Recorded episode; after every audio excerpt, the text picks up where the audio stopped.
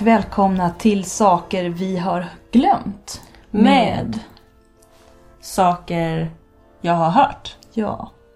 Eh, det här är vårt sextonde avsnitt. Vi har haft sommaruppehåll uppehåll, och vi tänkte prata om saker som vi har glömt att ta med i tidigare avsnitt eller fått önskemål om att prata mer om från tidigare avsnitt. Av lyssnare Ja. som har på olika sätt kommit i kontakt med oss. Mm. Eh, Sweet 16 helt enkelt. Yes. Då, eh, då kanske man gör saker man helst skulle vilja glömma. Men vi ska götta oss i det här. Är det vi har glömt redan. Ja, jag tänkte ställa en fråga till dig. Mm. Har du haft en bra sommar, Freja? Jag har haft en bra sommar, Emily. Tack. Eh, jag har rest och rest och rest och sen har jag kommit hem och det är jätteskönt. Jag har varit hemma, hemma, hemma. Och det har varit skönt. Hela tiden. Jag skulle gjort det från början bara, så hade jag haft det skönt hela tiden också. Mm. Fast det är skönt Hemma resa. bäst, punkt. Ja. Säger jag. ja. ja, men vi kan väl börja då med en eh, glömd sak från en resa. Ja! Ja. Ehm, vad var det? Jo, det var när vi hade vårt avsnitt om kommunikation. Varför kan du inte läsa mina tankar? Tror jag vi döpte det till. Och i det avsnittet så hade jag skrivit en grej på våran eh, minneslapp som jag skulle ta upp men vi var tvungna att spela om det avsnittet. Spela in det två gånger. Ehm, för första gången så gick inte inspelningen igång. Och det var också ett ovanligt långt avsnitt så vi spelade faktiskt in två likadana avsnitt på rad. Ehm, det första var ungefär 45 minuter långt, sen så kortade vi ner det till ungefär 35 kanske. Jag skulle säga att det är typiska pedagogkunskaper. Mm. Skills of a pedagog. Att skala Att ner. bara skala ner och göra samma sak direkt. Bara på det igen. Ja. Och det var Snap. lika bra förutom då att jag glömde den här saken. Ja, den här var ju väldigt rolig. Och då pratade vi som sagt om kommunikation. Temat var hur, hur ska vi egentligen prata med varandra? Hur har vi pratat med varandra? Hur kommer vi prata med varandra? Vad har vi för hjälpmedel och sådär? Vad har varit svårt? Vad, vad är möjligheterna? Mm. Och eh, man kan säga att i den här historien så Ja. tas det både upp svårigheter och möjligheter. Ja. Det var så här att jag reste i Grekland när jag var 12 tror jag det var. 12 eller 13. Tidig tonår är svår. Speciellt när man reser för det är så här. Jag vet inte, det är någonting med att man vill ha nya erfarenheter men samtidigt så är trygghet, tryggheten hemma är liksom fortfarande det viktigaste på något sätt. För mig var det i alla fall det. Men jag tyckte om att resa och jag tycker om att resa till Grekland. Vi har åkt dit mycket med min familj. Men när vi kom dit så gjorde vi någonting som vi inte brukar göra. Det är att äta väldigt mycket vitt bröd. Jag, jag är inte van att äta vitt bröd på det sättet. Som grekerna gör, ofta. Inte alla greker. Men det finns mycket vitt bröd i den grekiska kulturen och köket. Men det ledde till en förstoppning. Jag åt och åt och sket och sket inte. Utan jag kunde inte gå på toa på fem dygn. Och till slut så, hela tiden så letade vi liksom efter ett dygn. För jag brukar nämligen gå på toa ganska många gånger om dagen. Det är hälsosamt har jag hört. Mm. Så när jag inte hade kunnat gå på ett helt dygn då förstod jag direkt att någonting är fel. Och vi började leta efter apotek. Och vart vi än kom så var apoteken stängda för att folk hade siesta. Och vi visste inte, jaha, eller är de stängda överhuvudtaget? Kommer aldrig öppna igen? Varje gång vi var där så var det stängt. Sen upptäckte vi på femte dagen att de var öppna ganska sent på kvällen. Många apotek hade tidiga öppettider och sen så var det stängt på hela eftermiddagen och sen så öppnade de på kvällen igen. Så då hittade vi ett apotek som var kvällsöppet. Och när jag väl kommer in där då och är så lycklig över att äntligen komma till apotek så kan de inte engelska och jag kan inte grekiska. Hur ska jag förklara för dem att jag är förstoppad? Och att jag måste ha ett stolpiller, Ett lavemang! ett lavemang Pronto! nu. Och jag kan liksom inte, så vi försöker på teckenspråk men det känns liksom fel att börja peka på rumpan. så jag börjar så här hålla på magen och liksom göra grimas och så här försöka berätta med mitt finger, så här, skaka inte, inte ner, inte ut. Det händer ingenting. Händer och vi tittar på varandra. Och sen till slut så ser jag hur det liksom lyser till i den här apotekarens ögon. Hon tittar på mig och så säger hon Ingenting. Utan hon knyter sin näve hårt. Och så tittar hon på mig med, med, med arg blick. Och sen så liksom slår hon näven i bordet. Hårt! Menade hon. Och jag sa ja! Och så knöt jag min näve och så slog jag den i bordet. Ja, ja, hårt! Rakt in i magen. ja, och så pekade jag på magen, hårt i magen, hårt med min näve i magen. Och då, ah, sa hon. Och så gick hon bakom disken och hämtade ett väldigt bra storpiller. Som eh, Mycket effektivt lavemang. löste alla dina problem. Ja. Alltså lavemang har ju varit lite av läkemedlens eh, guld, eh, guld... Universalmedicin Ja. kan man säga. Det står ofta att, eh, att man ska att man ska lav, lavemera. Lavemera ja. Ja, det var ju det man, de gjorde när vi pratade om hygien. Just det. Så pratade vi om den stackars, den stackars solkungen som inför ett bad, ett av få i hans liv, Eh, Hans andra bad hans andra bad i, i, i hela i livet. hela livet. Eh, både gick igenom x antal lavemang och eh, åderlåtning. Det är mycket att saker ska ut ur kroppen Mm. tänker jag. Och ibland är det precis det man vill. Inte konstigt att han får ont i huvudet. Nej, han mådde ju skit. Ja. Mm, det var inte lätt. Han hade inte, jag tror inte han hade det så lätt alls här i, här i livet. Fy vad hemskt. Eh, men det här var ju ändå en historia från din, inte kanske barndom, men uppväxt. Uppväxt kan man säga. Mm. En annan eh, berättelse som inte är från min uppväxt men som får mig att tänka på eh, avsnittet om barnuppfostran. Vi pratade om olika mer eller mindre rimliga saker som har skett i barns liv och i historien. Och kyrkan har ju ofta bara kop- varit kopplad till barn Mm. och barnuppfostran. Det är där man döps och hej och hå. De, de ska liksom in och peta och det är katekesen och det, det har varit skolan och allt möjligt. Mm. Eh, Och även Händerna på täcket. händerna på täcket, sexualbelys sorry, sexualbelysning. Belysning. Inte upplysning utan det är fel. Sexualförträngning. Så, ja, precis. Mm. Förträng det bara. Men även eh, oönskade barns, eh, eller eh, barn som inte har sett ta vägen. Ja. Min gammelmorfar, alltså min mors fa- morfar blir det, precis. Han hette Tor Hilmer Napoleon. Vilket bra namn. Han var, han var från Småland och han sa någonting i att det ringer, det ringer som guld i hängande bondöron. Wow. Han var smed faktiskt. Nej men, Ja, jag vill ju bli smed. vill jag bli smed. Ja. Eh, och han var ett väldigt, väldigt stort barn tydligen. Mm. Inte som vuxen utan som barn. Alltså han var stor redan som barn. Han var inte ett stort barn som vuxen.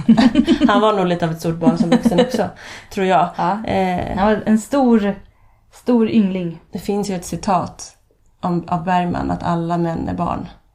Men nu, vi kanske inte ska gå dit. Men det är Bergman som har sagt det, det är inte jag. Då får jag det här citat, inte alla män Emily. Nej. Men de män som har träffat Bergman, de är barn. Och så vidare. Ja, Tillbaka till morfar. tillbaka till morfar. Gammelmorfar. Mm. Tor. Hilmer Napoleon. Tilltalsnamn Tor. Mm. Han och hans bror blev föräldralösa. Mm.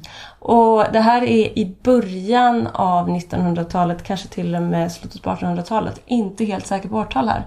Det har, jag har ju hört det här av min familj. Mm. Att det som hände då, vilket i och för sig är, finns det mycket källor på, var att man blev bortaktionerad. Japp. Men det var som en tvärtom-aktion Mm. Att kyrkan liksom, vad ska man säga, distribuerade medel till personer som kunde tänka sig att ta hand om de här barnen. Och aktionen gick ut på att hitta någon som ville ha så lite pengar som möjligt för att ta hand om de här barnen. Japp. Och då blev eh, då den här Tor, min gammelmorfar, och hans bror bortauktionerade till en skön småländsk bonde Mm. som såklart såg det här som jättebra arbetskraft. För det var det de här barnen ofta var, liksom, att de skulle prestera på gården. Och min gammelmorfar insåg att om han stannade på den här gården, då skulle han inte bli så gammal. Ja. Han skulle jobba ihjäl sig. Och han växte ändå upp och i tonåren så märkte man ju att han var en stor och verkligen reslig karl liksom som, som Han skulle bli en rejäl person om han bara fick sluta jobba som en galning på den här gården. Mm. Så då lärde han sig att plocka bär utan att det behövde rensas. Mm. Och då ville kvinnorna ha med honom ut i skogen och plocka bär. Men även de pauserna räckte liksom inte för att han skulle återhämta sig för han, han slet väldigt ont på den här gården. Så han rymde faktiskt. Han rymde till Göteborg och fick eh, tjänst som smed. Träffade min gammelmormor, mormor Karin.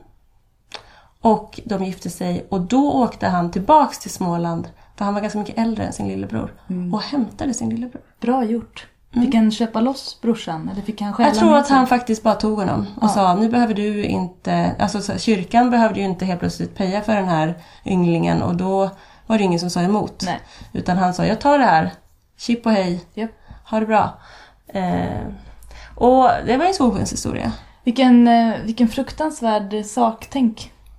Mm. Ja. Att barn är... eh, Ja men det var, vi, vi var ju inne lite på det, att, att barn var liksom en, en vara mer. Arbetskraft. En arbetskraft, Ja. en vara. Och framförallt om det inte var ens egna barn. Att Precis.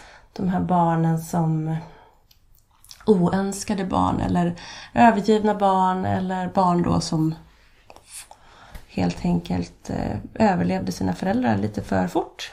Som RuPaul brukar säga. Åh, Children wasn't precious in those days. nej. Children wasn't precious in those days. Prova säga det fem gånger.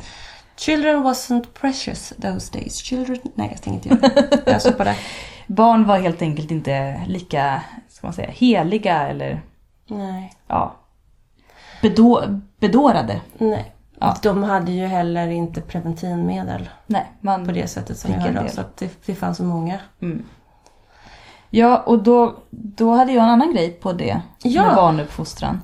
Eh, min farmors mamma eh, träffade min farmors pappa på något vänster i, ja vilken socken?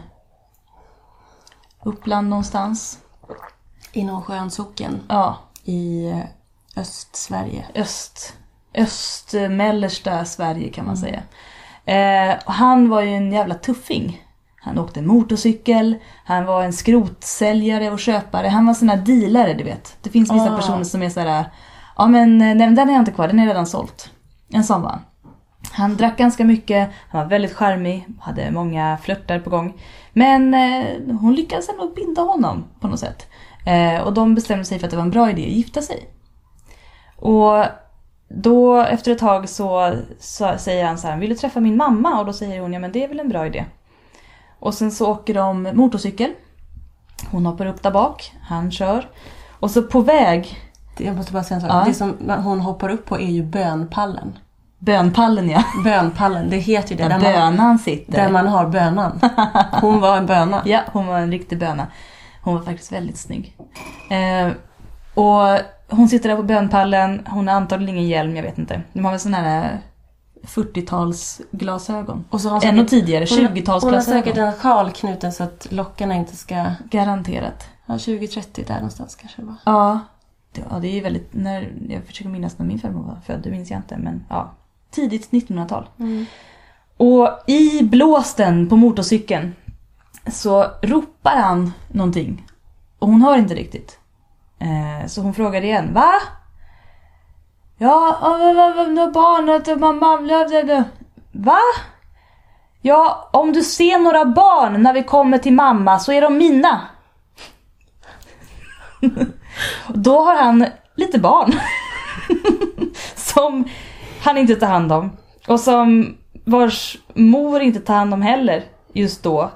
Och som springer runt på mammans gods. För hon var tydligen av lite finare rang. Och där är de här barnen, antagligen då på sommaren eller någonting. Jag vet inte, eller så tog hon hand om dem. eh, För att han inte kunde eller ville. Men helt enkelt, hon hade ingen aning om att mannen som hon precis gift sig med har barn. Som springer runt. Så springer runt lite hos hans mamma. Och hon har inte heller träffat hans mamma. Och hon har bara liksom... Hon kommer in i det här och hon blir så här, men... Men ska man... Jaha. Vad ska vi göra med dem? Och det är ju inte hennes ansvar heller för han har gett dem till mamman. och, Gett dem. Som en vara. japp.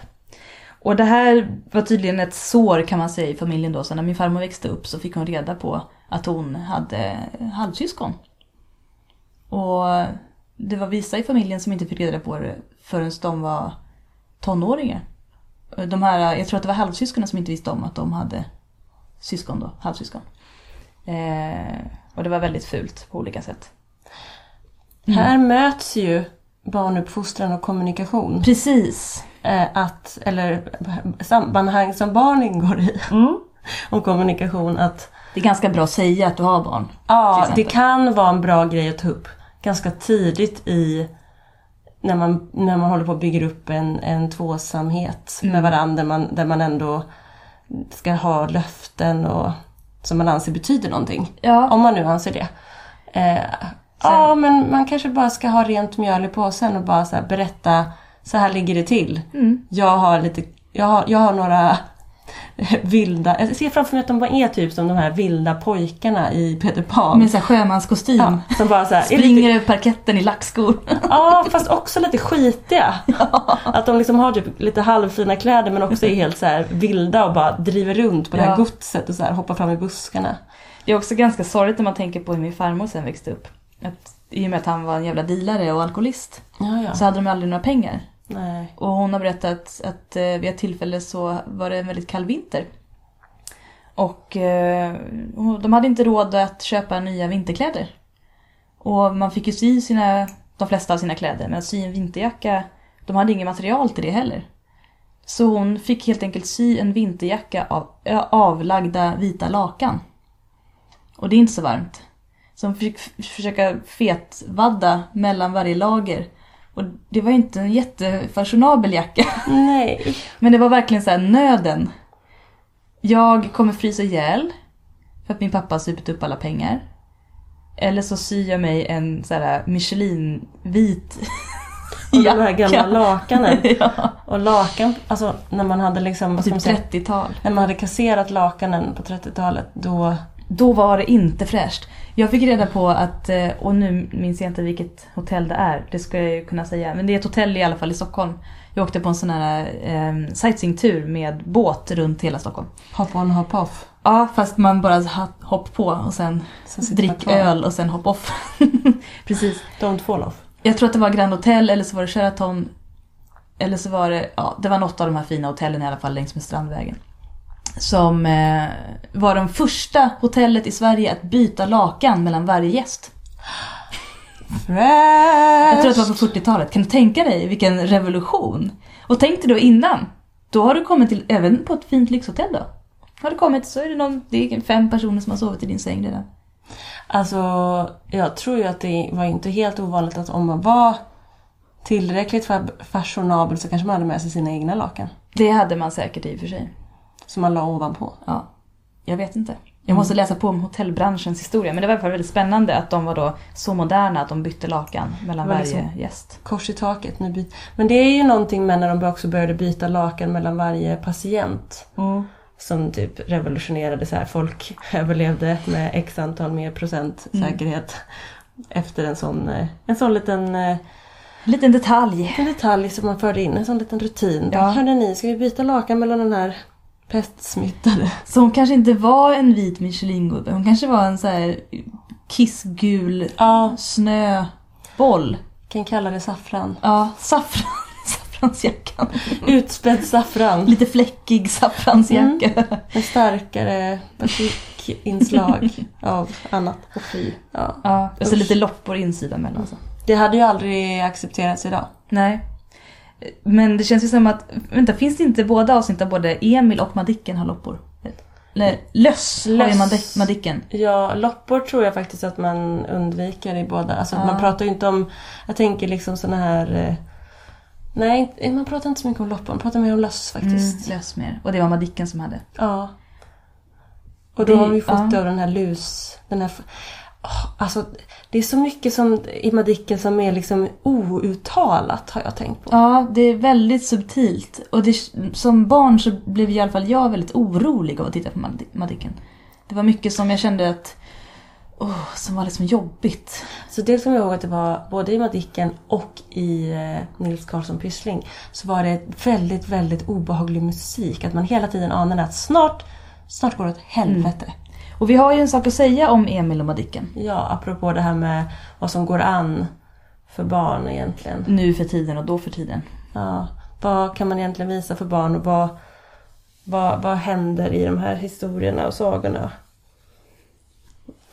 Och då så konstaterar vi att om Emil i Lönneberga hade skrivits eller gjorts film av idag så hade ju ingen accepterat innehållet. Nej, alltså inte så uh, oproblematiserat. Nej. Alltså, utan man hade ju verkligen varit tvungen att gullifiera tror jag. Ja, Och förklara. Alltså så här. Det är ju vissa saker som inte förklaras. ja och hela, hela id, liksom grundidén med Emil är ju att han blir jagad av sin elaka pappa som försöker slå honom. Och att han blir inlåst eller själv låser in sig i sin Oftast både och. Att de, den ena, de tycker själva att det är så praktiskt. Ja. Att Emil kan låsa och pappan kan låsa. Ja. Det är något de båda uppskattar. Hade den skrivits idag då hade vi blivit rädda. Ja, alltså det är ju någonting som känns lite skevt med att Emil gör saker och han vet inte om det är hyss från början. Och sen blir hans pappa stortokig, flippar ur, jagar honom över gårdsplanen. Eh, och hans bästa kompis är den här, den här Alfred som hellre hänger med honom än att typ kommunicera med den vuxna Ida som inte är så himla vuxen. Man vet inte Nej. riktigt vad hon ska... Nej. Nej, det är, det är som sagt det är mycket outtalat men man, jag skulle säga nästan att Madicken är värre. Ja, på För många där sätt. är det så många saker, som till exempel de här grannarna som är fattiga och pappan som är alkoholiserad Mm. och stackars Abbe som inte kommer att komma någonstans. Och det fina med de här berättelserna är ju ändå att det, det finns alltid liksom lite solsken i misären.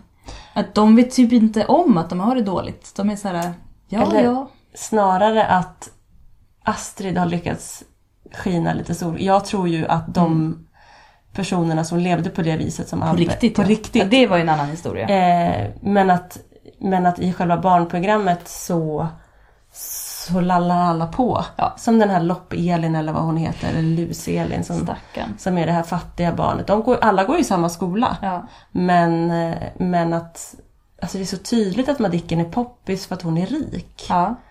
Ja, det är så många saker som är så här sjukt obehagliga. Och typ den här, den här frun som har migrän hela tiden och inte kan umgås. Och så har de, Antagligen för att de bara dricker typ tinner i sitt lilla kaffe varje dag. antagligen. Nej, inte tinner. Jag vet inte. Något, något. Hon har säkert fått några droppar från en läkare och så dricker Ja. hon inget vatten på hela dagen och så Och så är hon kaffe. superfashionabel och tar så små, små tabletter av arsenik Mm. för att hon ska vara precis lagom sjuk för det var Precis. inne. Men, men den här husan, eh, som jag inte heller kommer ihåg vad hon heter. Eh, hon... oh, Jag har sett ett fruktansvärt avsnitt där de släpper iväg henne på bal och hon känner sig så himla malplacerad och så kommer det en fullis och bjuder upp henne. Och, och alla Jag så- känner att jag måste se och, om och alla liksom skrockar lite och man känner hela tiden så att det är på randen till katastrof. Ja. Och nu ska de minsann skämma bort lilla, lilla husan och det, alla ska vara så här, åh de är så fina de här rikingarna som bjuder på det här på, på stadshotellet. Mm. Alltså det är så mycket som, och, och undertonen är inte så här, hmm, jag undrar hur soft det här är, utan snarare, "Åh, Dickens familj, det är ju en rättskaffens familj. Mm. Och man bara, det är... Rika och goda. Ja, och pappan som, han är nästan den läskigaste karaktären av dem alla. Jag minns honom inte. Nej, man minns honom inte riktigt. Men han, när man väl ser det i vuxen ålder så känner man att det är mycket underliga undertoner och typ förakt och nedlåtande kommentarer som bara sveper förbi. Mm. Ja, jag måste se dem igen.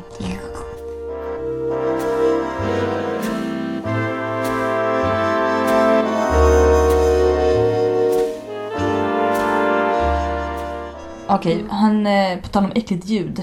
Ska vi hoppa till nästa punkt som vi har glömt? Mm. Vilken skulle du säga det då? Vi har en rättelse. Ja, det är obehagligt. Mm. Eh, jag har talat ut med min kära kollega Mm. som eh, har spenderat vuxen tid, tid i sitt vuxna liv i Östersund. Min, min tid var där med på ja, högstadiet och gymnasiet. Och jag kanske, jag, jag, det kanske är så att jag drömde ihop lite mer. Det var väldigt mycket jag har hört Mm. eh, över den. Och nu, det här är egentligen första gången i Jag har hört historia som det kommer en rättelse. Alltså, är det ens rätt att vi rättar jag har hört med tanke på att det är saker vi har hört? Jag känner ändå att just någonstans så vill jag ge upprättelse. Och Till dig själv kanske? Till mig själv Ja. eller till sammanhanget. Eller till djuret, jag vet inte. Eller till alla som var irriterade när de lyssnade. Också lite kanske för att det är lite kul. Det ger en ny dimension Ja. av roligheten. Shoot. Jag sa en gång i tiden att Storsjöodjuret var fridlyst. trots att det Mm. inte fanns. Mm. Eh, Och att det fredlöstes för att det var så många människor som eh, strök med när de höll på att jaga det här djuret. Det här var i avsnittet om kryptozoologi. Ja, Mm. precis. Fortsätt. Det är inte fridlyst längre. Och det tror jag Fair att jag game. uttalade. Okej. Och anledningen till att det inte är fridlyst Mm. var att eh, det kom in så många ansökningar om att leta rätt på det. Mm. Så här, helt bizarra, jobbiga handlingar till var det nu är någonstans. Jag vet inte om det är Viltstyrelsen eller någonting. De måste ha så mycket att göra. Eh, och de kände liksom att så här, den byråkratiska mumbo jumbon som då skulle hostas upp eh, angående det här djuret som man inte visste om det fanns, som var fridlyst. Det blev bara too much. Ja. Så då släppte de. Så de, "Ha, ha, ha, det är inte fridlyst längre. Nej, de tänkte skitsamma, gör vad fan ni vill, vi Ja, bryr oss inte här, så här kan vi inte ha. Vi kan inte ha ett fridlyst djur som vi inte vet om det finns. De bestämde sig helt enkelt för att det kanske inom sig då, att det inte fanns, att de inte behövde bry sig om det. Mm. För om de visste att det fanns så hade de säkert fortsatt låta det vara Ja, fritt. ja. Om man var, hade kanske lite mer vatten på sin kvarn så att Mm. säga. Men min, min kollega har ju åkt runt också och eh, intervjuat olika Jag personer älskar din kollega. som har sett, som har sett eh, Storsjödjuret. Ja. Eh, och det roliga är att alla de här berättelserna har ingenting gemensamt. Överhuvudtaget. Så det talar ju inte för... Eh, det finns inte direkt obestridda bevis om att Storsjödjuret finns. Det kanske är en shape, shapeshifter. Ja, jag tänker att det finns jättemånga förklaringar. Till exempel att alla de här människorna har olika, det här med våglängden och hur man uppfattar saker Mm. och ting. Och vi är ju olika allihopa. Ja, vi har ju till exempel olika hjärnor. De sitter i olika huvuden. Det är sant. Mm. Det är salt. Sant. Sant. Eh, men rätt ska vara rätt. Ja. Eh, Storsjödjuret är icke fridlyst. Så alltså, alla som lyssnar, kör hårt. Det är fair game. Fair game. Däremot så tror jag att man kanske la till lite olika bestämmelser över att man inte får lägga ut enorma häx eller Ah. eh, gäddsaxar och rävsaxar och De är sådär. väl ändå förbjudna? Ja, jag tror att det kanske, de två tog kanske ut varandra. Vi Mm. behöver inte fridlysa det här djuret på grund av de här jaktmetoderna nu Så kan det vara. ain't no more. Just det. Finns ej mer. Du får bara fiska med lina. Precis. Som Tor som skulle ha Midgårdsormen Ja, agnade sin krok med ett oxhuvud. just det. Det kanske är så man ska göra. Man kanske bara ska driva runt i sjön med ett stort oxhuvud och hoppas på det bästa. Alltså jag tror ju inte att det här är ett köttätande djur.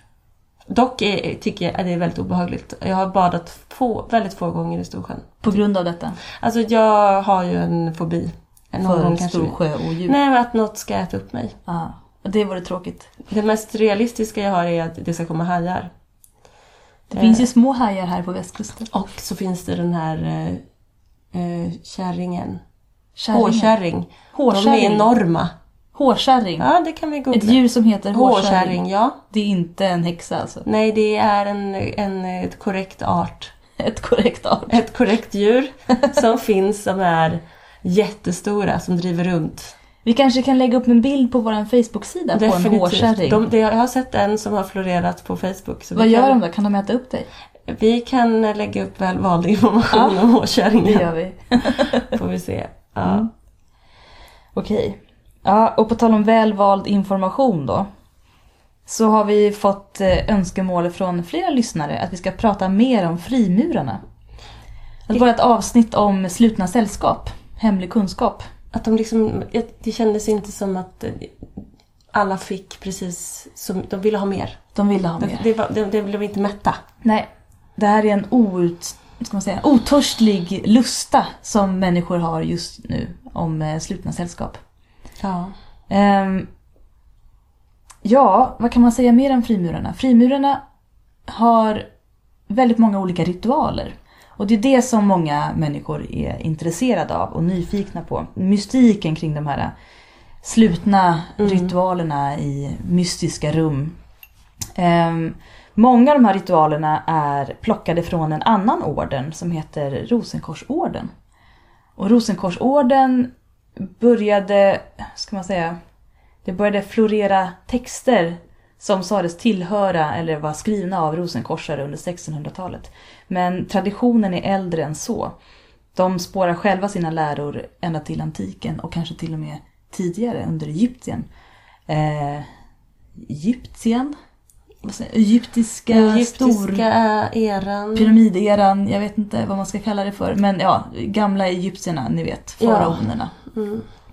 Eh, och kanske till och med tidigare då. Är det Eh, kanske för antikt? Typ? Förantikt skulle man nog säga. Allt innan Grekland är Mm. Eh, hur som helst, det ses då, sägs då vara kunskap som är uråldrig och som har bevarats i dessa slutna sällskap. Eh, så frimurarna delar väldigt många uppfattningar med Rosenkorsorden eh, och också många ritualer. Men frimurarna är enbart en manlig eh, orden. Det vill säga bara män får vara medlemmar. Och man ska bli invald genom rekommendation. Vilket innebär att det blir lite mer av en herrklubbskänsla. Och vilket gör att det kanske är ännu mer provocerande idag. Provocerande och fascinerande för att man Mm. har någon sorts... Det finns jag tänker att det finns en så här Hollywood-bild av att dels att de håller på med okulta grejer. Vad okult betyder är ju egentligen något vi inte ser. Något Mm. som görs i skymundan. Och det är Precis. väl precis det vi tänker. Ja, Med eh, dragenhet åt eh, mörka makter kanske? det är många som drar den parallellen då för att de blir rädda för det Mm. de inte kan se. Jag tror att om de flesta människor hade varit med på de här ritualerna så hade de nog för det första kanske inte fattat någonting. För att det är väldigt mycket saker som är viktiga. Man ska gå på vissa sätt och man ska lyfta händerna på vissa sätt och sådär. Ehm, men också så skulle man känna att det var ganska harmlöst. Att de här personerna som är med egentligen glada, glada gubbar som vill ha en orsak att ses. Lite kan man säga som att ha ett intresse, ett gemensamt. golf. En ursäkt att ses. Så. Golf är ju också helt obegripligt. De glada gubbar som driver runt Ja. på en stor gräsmatta och går på olika sätt och svingar och... Precis. Exakt. Det är en ritual kan man säga. Ja, en social ritual.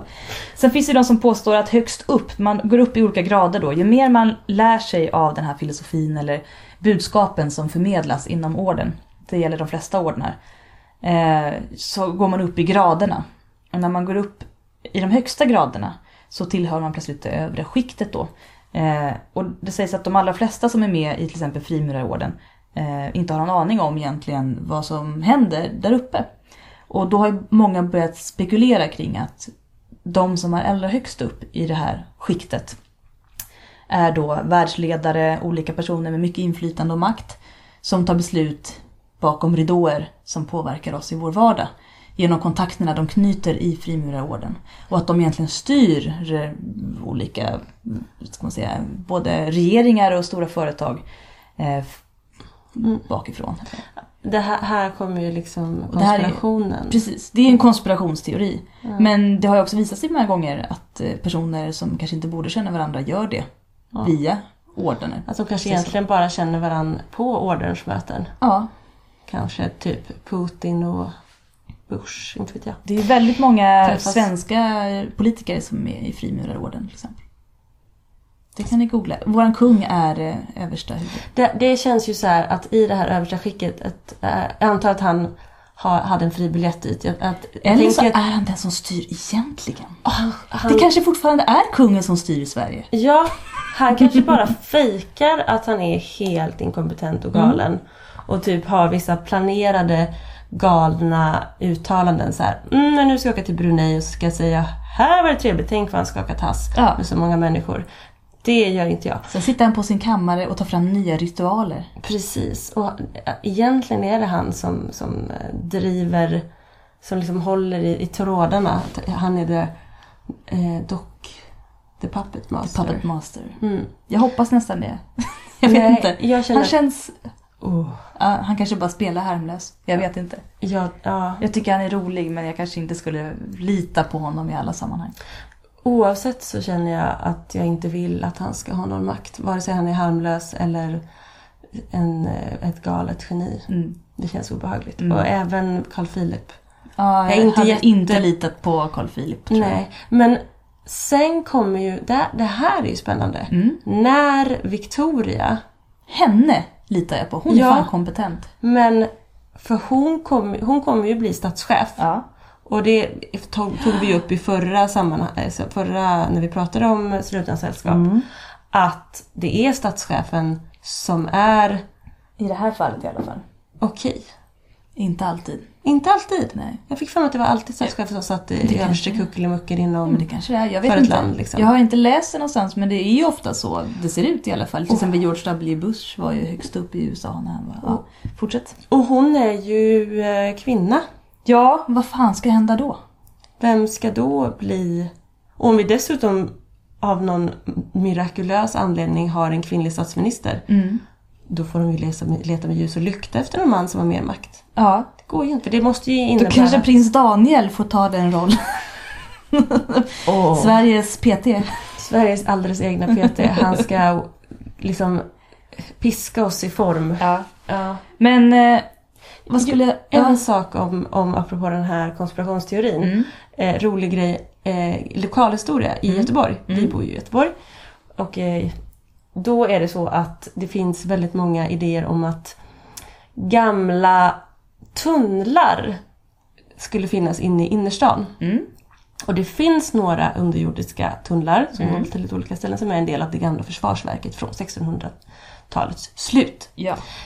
Då finns det en frimurarloge Mm. som ligger mitt, mitt emot börsen.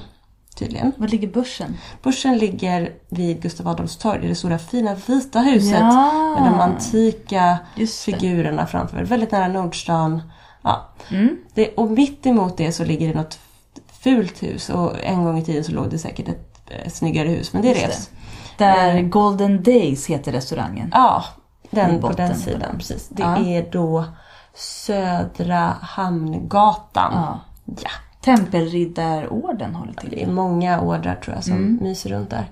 Men då har, sägs det att det har funnits en underjordisk gång under kanalen Mm. som har lett direkt från huset där Frimurarlogen var in i börsen.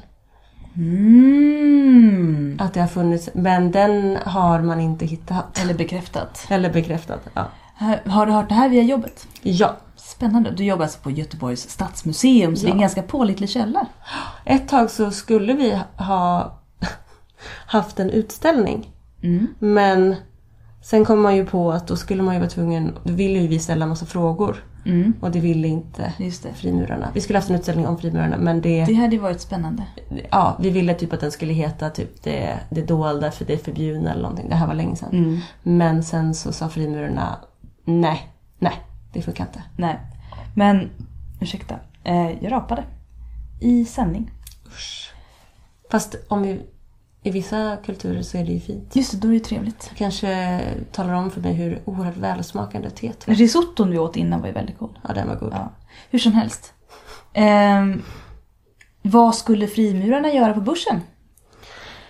Det är en bra fråga. Jag det tänk- finns ju många konspirationsteorier som säger att de ofta kontrollerar guldreserverna i olika länder. Ja, till exempel. Mm. Jag tänker att det är det fina citatet som jag tror att det är någon konstig Tom Cruise-film. Och han är ju med i Hemliga slutna sällskap. Han är med i Scientologerna Ja. och han spelar i Ice Wide Shut. Bland annat. Och sen så har han också någon, vid något tillfälle varit någon konstig, jag tror att det är en advokat, Mm. och skrikit “Follow the money”.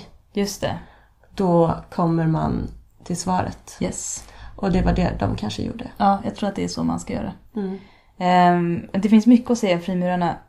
Någonting som jag i alla fall som konstvetare är väldigt intresserad av är ju symbolik. Och eh, du kan se otroligt mycket frimurarsymbolik i konsten. I västerländsk konst som vi har på vårt konstmuseum här i Göteborg.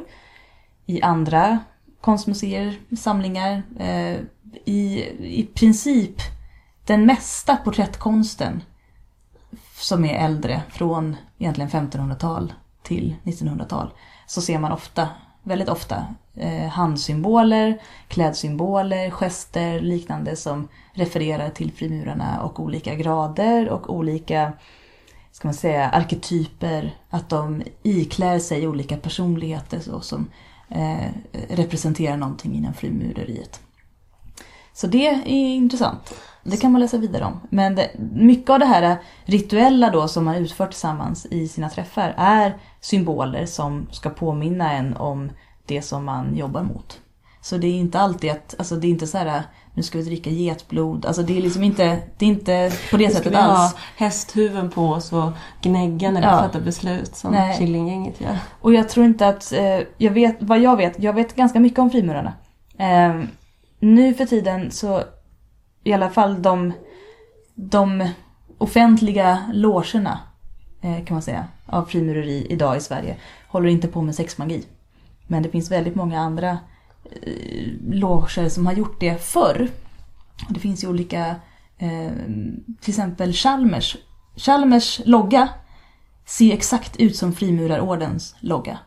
Googla det, det här är väldigt bra. Chalmers frimurarna, googla på det så får ni upp deras logga och frimurarnas logga. Det, det är samma. Och Chalmers har haft problem med att de gång på gång har haft olika ja då, studentgrupper som har haft olika sexuella, in, ja vad de då har bemärkt som ritualer. Sexmagi. Sexmagi, sexritualer på olika sätt. Förklätt som tonåringar som har lite kul i bastun. Oj, oj, oj. Alltså... Det är väl där man får ett dåligt rykte tänker jag. Ja, det känns ju kanske inte riktigt vad, vad man hade tänkt. Att det, för jag tänker att mycket handlar om att man, man har gemensamma intressen och kontakter och maktgrejen, om man säger så, så till skillnad från till exempel Rosenkorsorden. Mm. Att frimurarna, i och med att det är ofta just de här uppsatta personerna, att det är ett, en maktkoncentrering och hur kan våra gemensamma intressen Ja, blandas. blandas. Hur kan vi fatta så bra beslut för våran egen skull Ja. som möjligt? Och ett problem kan man säga med frimurarna är ju att eh, man svär ju en ed om sitt liv i princip. Att inte Yppa något. yppa någonting. Eh, med andra ordnar är det inte riktigt, riktigt så. Nej. Eh, Ro- Rosenkorsorden är ju väldigt mycket så här, om du vill kan du visa den här texten för din vän om den också är intresserad. Det är liksom inga Ja. hem... Det är ju gammal bevarad kunskap men det är inga hemligheter på det sättet. Men det känns ju inte som att, åtminstone inte har, har de i alla fall inte lyckats eh, sprida, de har inte lyckats skapa det trademarket frimurarna att det handlar om att så här, bildning och utveckling. Om du läser på deras hemsida så står det det. Ja, men man får ju inte riktigt den känslan ändå. Nej, och det är väl det problemet. Då bildas sådana här upp, uppfattningar. Då kommer den här sköna, göttiga Hollywood barockkänslan av typ folk som dricker blod och Ja, har jättekonstiga sexorgier. ja det är det man tänker på då. Och apropå, apropå sexorgier, Mm. eh, Chalmers. Alltså det är inte så konstigt för att jag tänker att det, det skulle förvåna mig extremt mycket om inte eh, Chalmers grundare William Chalmers, Chalmers. om han inte var med i Frimurarna. Nej, han hade pengar och makt. Ja. Klart att han var med i, i gänget. ja. Och, Annars kan du inte vara med i gänget. Nej. Och jag tror att hela det, alltså det fanns ju verkligen ett så här gubbgarde Ja, ja. i den här sköna stan. Och de, jag tror inte att de behövde någon underjordisk tunnel till börsen. De kunde bara, Gå över. bara vara överallt. Men de hade burktelefoner som de, Ja. som de drog mellan börsen och logen.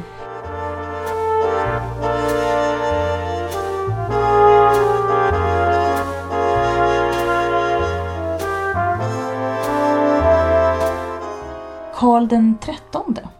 Han var väldigt intresserad av ordenssällskap och han var jätteintresserad av sluten dold kunskap. Han var också extremt nyfiken på intellektuella filosofier och liknande.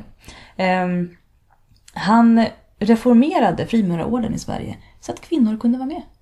Han och hans fru var otroligt engagerade i orden och ville öppna den för alla och ville att alla skulle ta del av detta. När var det här? Jag ska kolla. Ish. Uppenbarligen efter Karl. Jag tänker att det kanske är under frihetstiden som det Född kallas. 1748. Ja, under frihetstiden.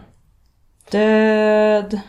För sen kommer 1818. ju, sen kommer ju eh, Gustav III. Mm. Och han var ju också Mm. intresserad.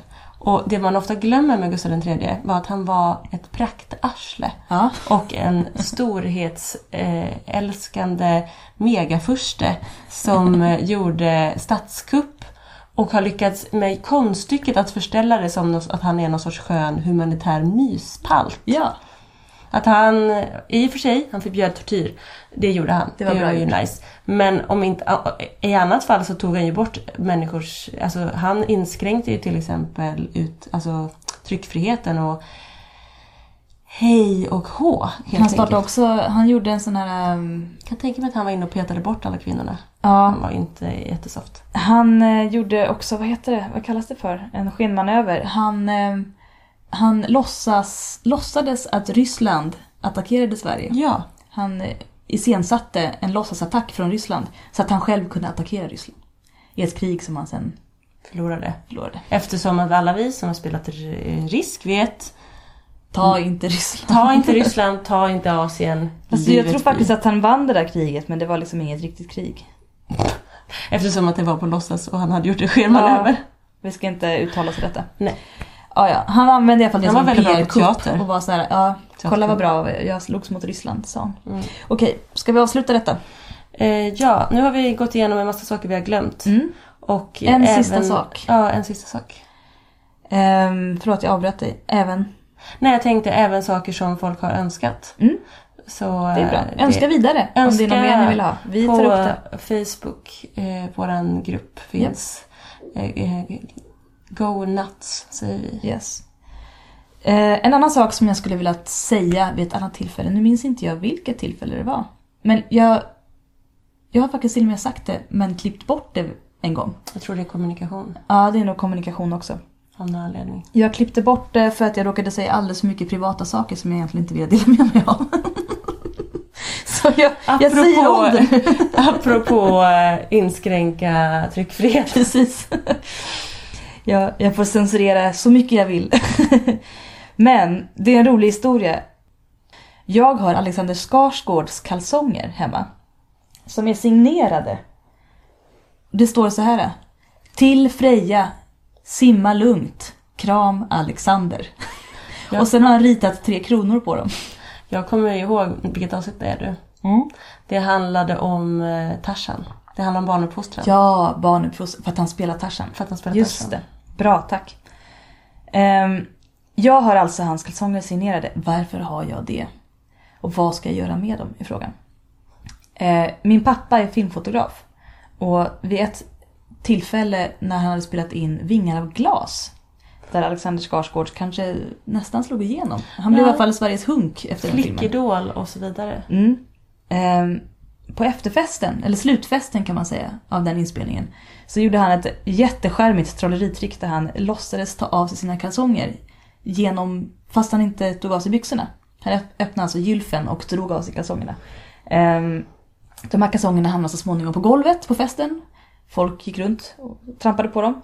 Tills min pappa tog upp dem och bad Alexander signera dem för att ge sig till, till sin dotter. Ehm, Alexander skrattade förnöjt, signerade dem och jag fick dem. Nu har jag de här hemma och jag undrar, ska jag sälja dem? Det kanske är ett bra, en bra affärsinvestering just nu när han spelar Tarzan och allt och är vampyr tänk- och Jag, poppis. jag tänker att han är på höjden av sin hunkighet och när, det, när man vill sälja kalsonger så vill man ju gärna att personen... Jag tänker att det måste, sexapil i de här det kalsongerna. måste, annars så vill man liksom inte, man vill ju inte köpa typ Göran Perssons kalsonger. Man vill inte köpa grisen i säcken. Nej, man vill ju köpa ett en, en hunks kalsonger. Eller jag Ja. vet inte. Men det här kan ju vara också en fråga som vi eh, öppnar upp golvet. Ja. Vad tycker ni vi ska göra med Alexander Skarsgårds kalsonger? Ge gärna tips på hur vi ska sälja dem också i så fall. För jag har nämligen pratat med Bukowskis Mm. och de sa vi har inte rätt publik. Vem, vart finns rätt publik för det här? Är det Tradera? Jag vet Men det är inte. ingen som använder Tradera och jag vill sälja dem i USA. Du vill säga i USA? Ebay, men det är inte heller populärt i USA längre, har jag förstått. Hur säljer man saker i Hollywood? Ja, Jag jag kanske kan hitta någon i Hollywood som kan sälja dem åt mig faktiskt. Precis. Mm. Men jag tänker, du kanske skulle kunna lägga ut en bild på de här kalsongerna. Det är en väldigt bra bild i så fall. Vi får se. Det kanske kommer en bild på Alexander Skarsgårds eh, signerade kalsonger. Det är verkligen inte sexiga kalsonger heller. De är stora och vita och plösiga. Åh. Ja, Ja. det vill jag säga. Med ja, det, och med det så ber vi er simma lugnt Där ute. som Alexander Som brukar säga. Alexander. eh, tack och hej, leverpastej.